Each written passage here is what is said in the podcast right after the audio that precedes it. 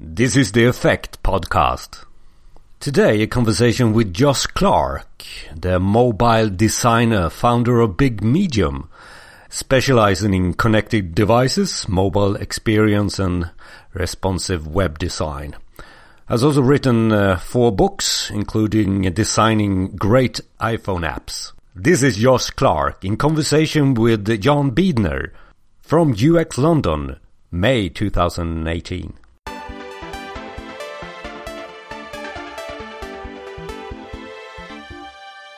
I'm sitting here chatting with uh, Josh Clark of uh, Big Medium, which is, uh, I think, a design studio, New York-based That's design right. studio. That's right. Yeah. Yeah. And, and mighty Brooklyn, New York, and New York City. Yeah, It's, it's been great to to spend some time with you, Jan, because we've um, been in two workshops together now, Yeah. and have been talking a lot in the halls, which is one of the great things about this conference is, is the Yeah.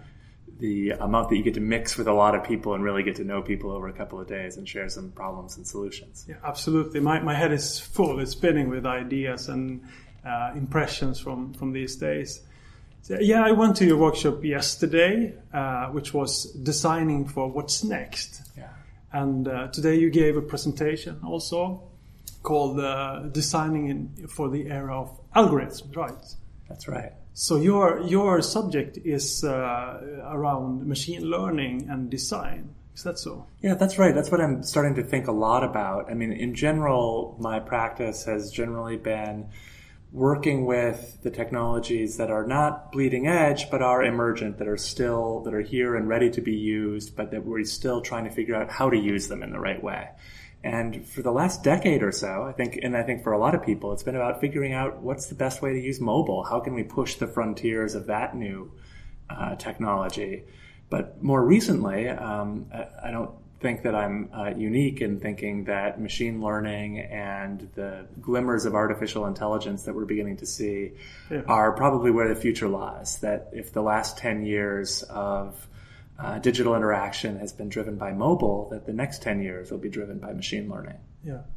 And and we are talking about pretty advanced technolo- technology when it comes to artificial intelligence and machine learning.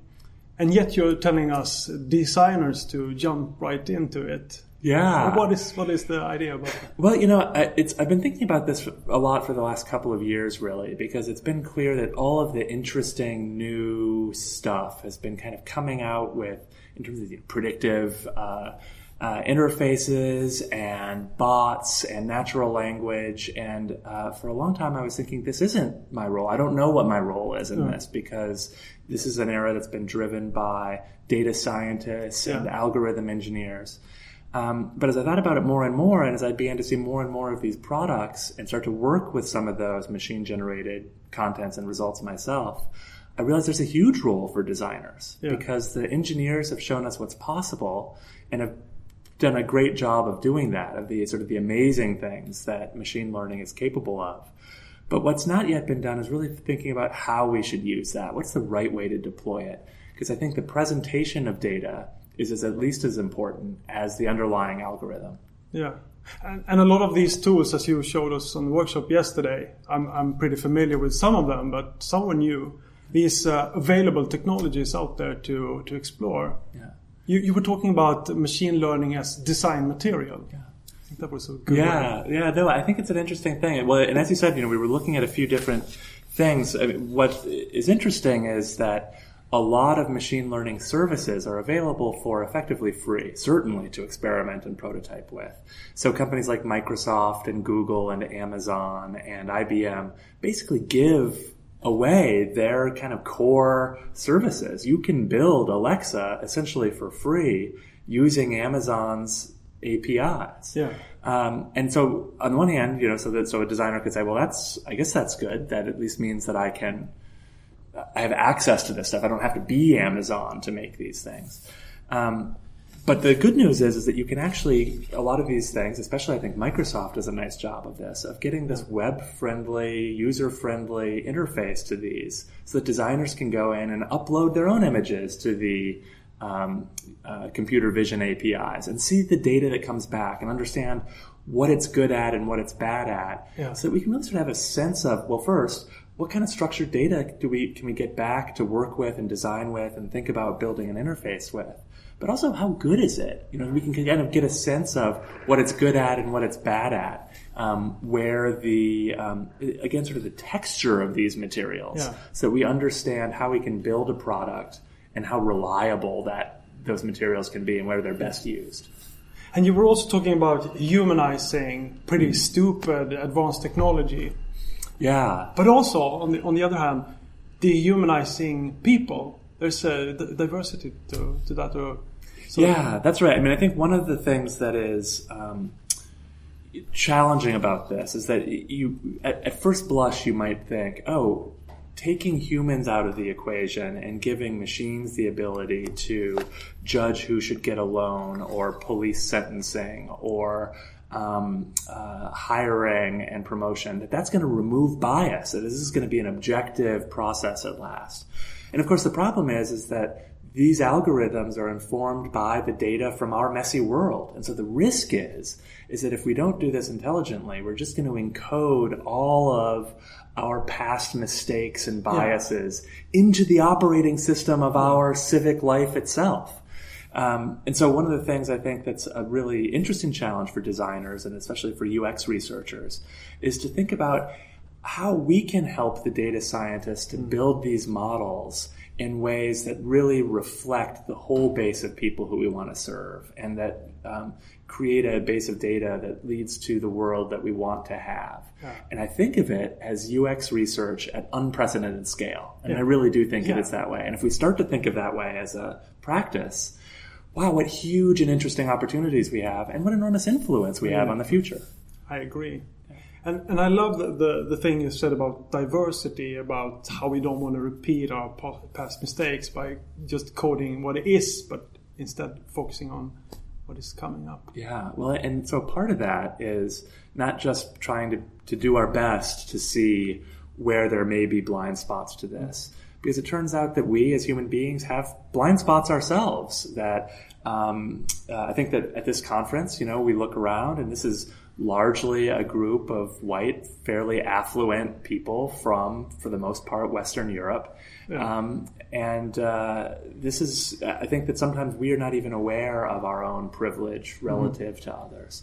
And so we don't even know where our blind spots are sometimes. And so I think that it's more important than ever as the products we create serve more and more people with bigger and bigger uh, ramifications Yeah. is that we start to work with people who don't look like us, who have a range of diversity. And I don't just mean demographic diversity, but philosophers and poets and Yeah. artists and people outside of the usual technology bubble.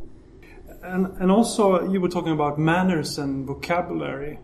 That, Yeah. uh, the way, the, the blunt way of the machine sometimes, or uh, on, on the other end of that, uh, trying to, to be too human. We were talking about that in Li- Lisa's uh, workshop today. Yeah, yeah, um, that's right. I, you know, I, I think that there's uh, there's a lot of debate right now with um, you know the the services, the speech, the, the voice assistants like Google Assistant that are becoming so more and more lifelike, able to have make phone calls Yeah. that are convincing to actual humans. That is this the right way that we want to go to make them actually convincingly human, Yeah. especially when they actually still remain far less capable than humans. So Google Duplex just came out, um, which was a technology demo to show how um, Google Assistant could call human beings to make a restaurant reservation. But I'm pretty sure that if you started to talk about a completely different topic, it would be lost because these services tend to be extremely narrow. Um, so in that sense, it's it's deceptive not just because it's pretending to be a human, but in doing so, it's suggesting that it can do much more than it is actually capable of. And so I think one of our interesting challenges here is how do we create interfaces that set appropriate expectations and channel behavior in ways that actually reflect what the system is capable of. And so in that sense, a synthetic voice, a robot voice is actually useful, even though it's a bit disquieting. It's not necessarily, it's a human voice, but it informs us how we should speak to it what we can expect of it. And also, it lets us know we're talking to a robot, not to a person, which changes the way that we will interact with it as well. Yeah. Uh, so a big role to play for UX then in this. I think there's a huge role uh, of thinking about how do we present these remarkable machine generated results and interactions in ways that are transparent and respectful and honest, um, that reflect how much we can have confidence in the result because the machines often are pretty straightforward in their algorithm of being like 69% chance of certainty but we don't necessarily reflect that in our interfaces. We often just sort of say, here's the answer, yeah. when perhaps we should maybe say something more sort of like, the results really are not clear, but this may be the answer. In other words, we're always focused on answers, but perhaps we should be looking at suggestions and hints when the machines yeah. aren't certain. Yeah, you gave a great example in your presentation with the dinosaur on the measure, but it was uh, it was interpreted as a skateboard. Yeah, that's right. Yeah. That's right. Uh, um, it's a, a, a, uh, Twitter bot called Pick PicDescBot yeah. that um, uh, just basically gives random images to Microsoft's uh, computer vision API and just just gives a description that comes back and uh, it, it gets charmingly confused sometimes. But it's also pretty clear and obvious about um, how certain it is. So in this yeah. case, it was saying it's like it's only 25% sure that it was a dinosaur on a skateboard, when in fact uh, the interface, this particular presentation, suggested that it was 100% sure. Yeah. So not many designers involved in that process. Maybe. Yeah, that's right. Could be some improvements. Too. Yeah, that's right. And this is a very simple example because yeah. it's just sort of a little bot. That's the charm of following this particular bot is how ridiculous yeah. some of its statements some are. Part of its uh, yeah. Humor. Yeah, and the fact that it does it with no, with complete certainty. So in a way, there's sort of it's the charm of following it. Um, but uh, but that that's the um, that's also it suggests some of the mistakes that we may be making in other uh, applications and interfaces. Uh, you uh, authored the book. Uh, what is it called? Uh, Design for Touch. Yes, right? that's right. Designing for Touch. What do you think about touch? Is it going to persist? Or? Yeah, I think uh, you know. I think that very few interfaces go away, especially when they're successful. So, in the same way that I don't think that touch will ever kill the keyboard, which has really still yeah. very precise uses for certain things, and touch, uh, uh, I think, has proven to be very simple and easy to use for so many tasks, um, but also dangerous in some cases. Yeah. You know, putting them in cars where you have to look at the screen while you're driving, that there's no tactile feedback is a dangerous thing to do. You know, yeah. so uh, it's it's not good in all places. But I think that it's shown that it is incredibly flexible as a as an as an uh, interaction. I think that actually one of the challenges for designers is not so much whether um, an inter an interface or a channel that we've learned and used is going to go away, but more than just we're going to continue to keep adding more and more and more and more. Um, so I think the interesting challenge actually ahead is thinking about how do we let people move easily between uh, a touch interface yeah. and a speech interface and between these other devices that we have in our lives. The multimodal. The multimodal thing. That's yeah. right. Uh, Cheryl Platz was talking yeah, about that yes. today uh, in her really great talk about voice interfaces. Um, because I think that's a real problem, and we we feel it all the time because we're constantly texting and emailing ourselves yeah. information just to get it from you know my phone here yeah. to my computer two feet away. Yeah. It's ridiculous. We're sending it way up into space through the satellite and back down to the computer just to move it over here. We feel that problem as consumers, but we haven't really tried to address it as designers. You showed that movie with your colleague. Uh, tapping into the that's right. to the screen with the, the mobile phone and shaking it over. Yeah, that's right. Yeah, uh, we we hacked together this little project. Uh, my friend Larry Legend and and I uh, did this, uh, and it's basically the idea was it was just like sort of like a little weekend hacking project. Where if you're playing music on your iPhone, you can go over and just shake the music into your desktop, and it will just shift over to that device and start playing it in the same way. And we were trying to think about interesting interactions there too, because, yeah. you know, we were, at first we were sort of stuck on thinking about, we could push a button or swipe it across, yeah. kind of throw the song across. Yeah, But we realized that these are two physical devices, two physical spaces. And so we were thinking, well, what if we treated the music with physicality too? And we just could shake it out.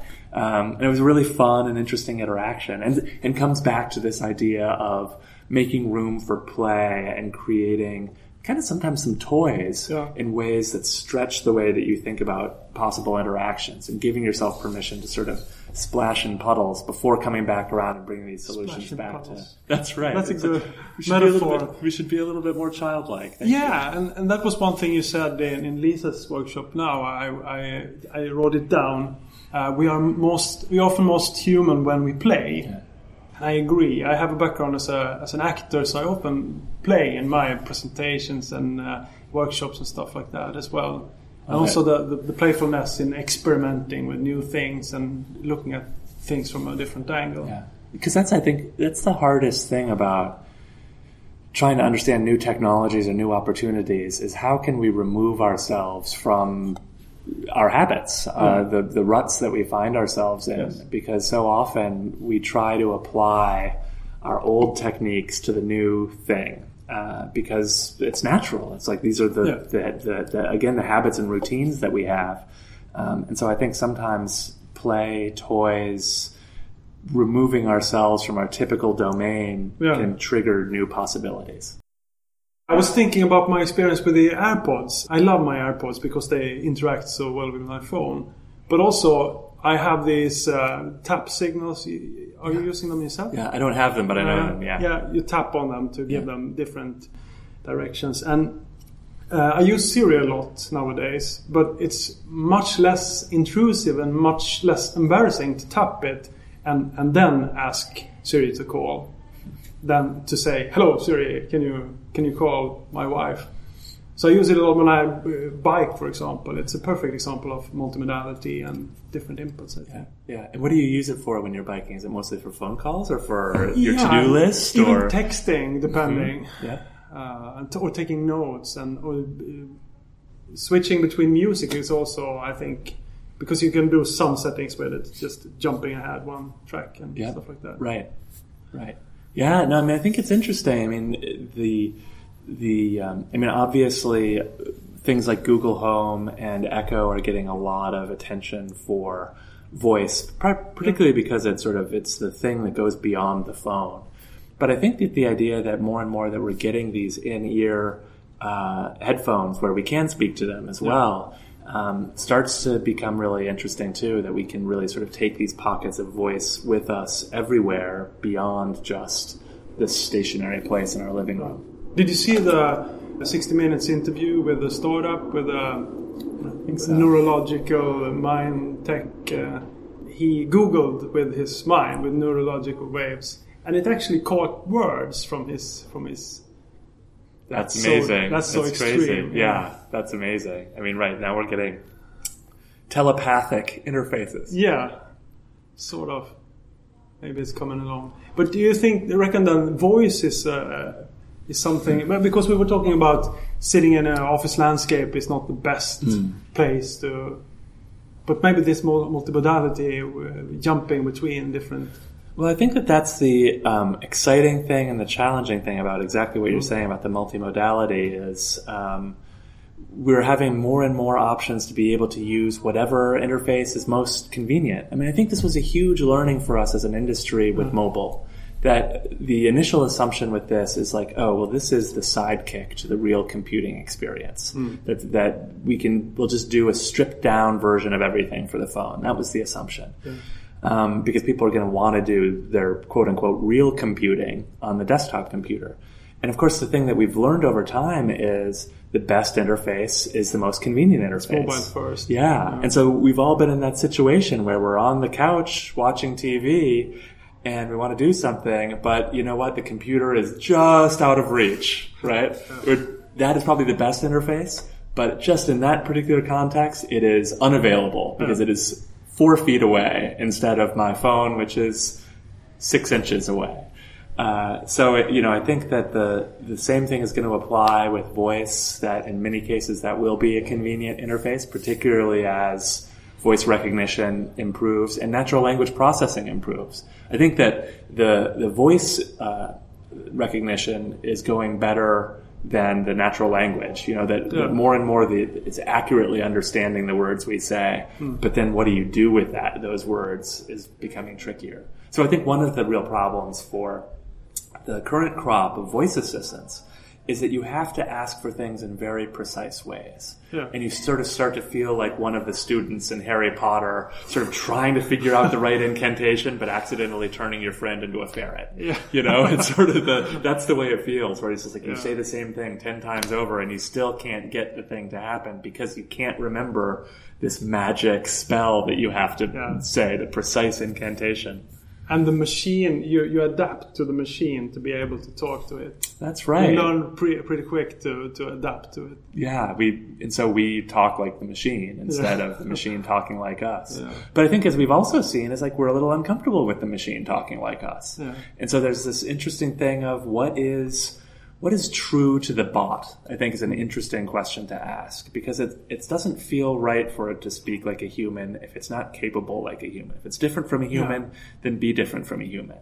And you know, I think that one thing that we all learned in the workshop as we looked at how these APIs understand images that you give them or speech or text that you give hmm. them is they don't see the world that we do as the way we do. They are strange. The machines are strange uh, and they interpret things differently. And so perhaps they'll develop similarly some appropriate way of, for them to communicate that is reflects that difference. Yeah. You know, what is the communication and the interface that is true to the robot is, I think, sort of the interesting design challenge of the next uh, few years or even decades. Because uh, basically it's just a giant uh, calculator. For the moment, that's what that's what uh, uh, machine learning is. Is it's just crunching the data, looking for patterns, and building up patterns eventually that are sophisticated enough to come to conclusions. But it's not thought. That's right. Um, there are different lines of artificial intelligence that do attempt to teach computers to model human cognition and to effectively think. But that work has stalled out um, a couple of decades ago. There's still people interested in pursuing in it, but it turns out to be very hard. And so the current crop of, uh, of work is really focused on sort of a brute force. Um, you know, I mean, it's much more elegant than that, but it is effectively just crunching tons and tons of data and extracting patterns on very narrow subjects to be able to simulate thought and analysis. Ah, great thoughts. I'm going to let you off the hook. Uh, where can you? Uh, you are a big medium, Josh, on Yes. Twitter. If people want to follow you and learn more, That's right. Big Medium Josh on Twitter or bigmedium.com uh, Yeah. on the web. I recommend it. And thanks for the talk. Thank you, Jan. It's a pleasure to get to know you.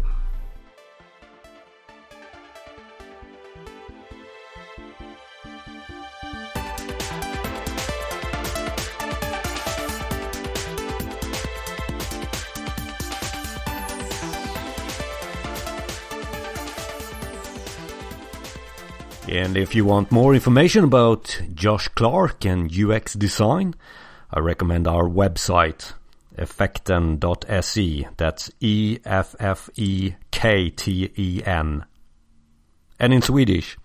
Besök oss gärna på effekten.se. Där hittar du mer avsnitt om eh, digitaliseringen och UX och allt det här som, som, som Josh har pratat om.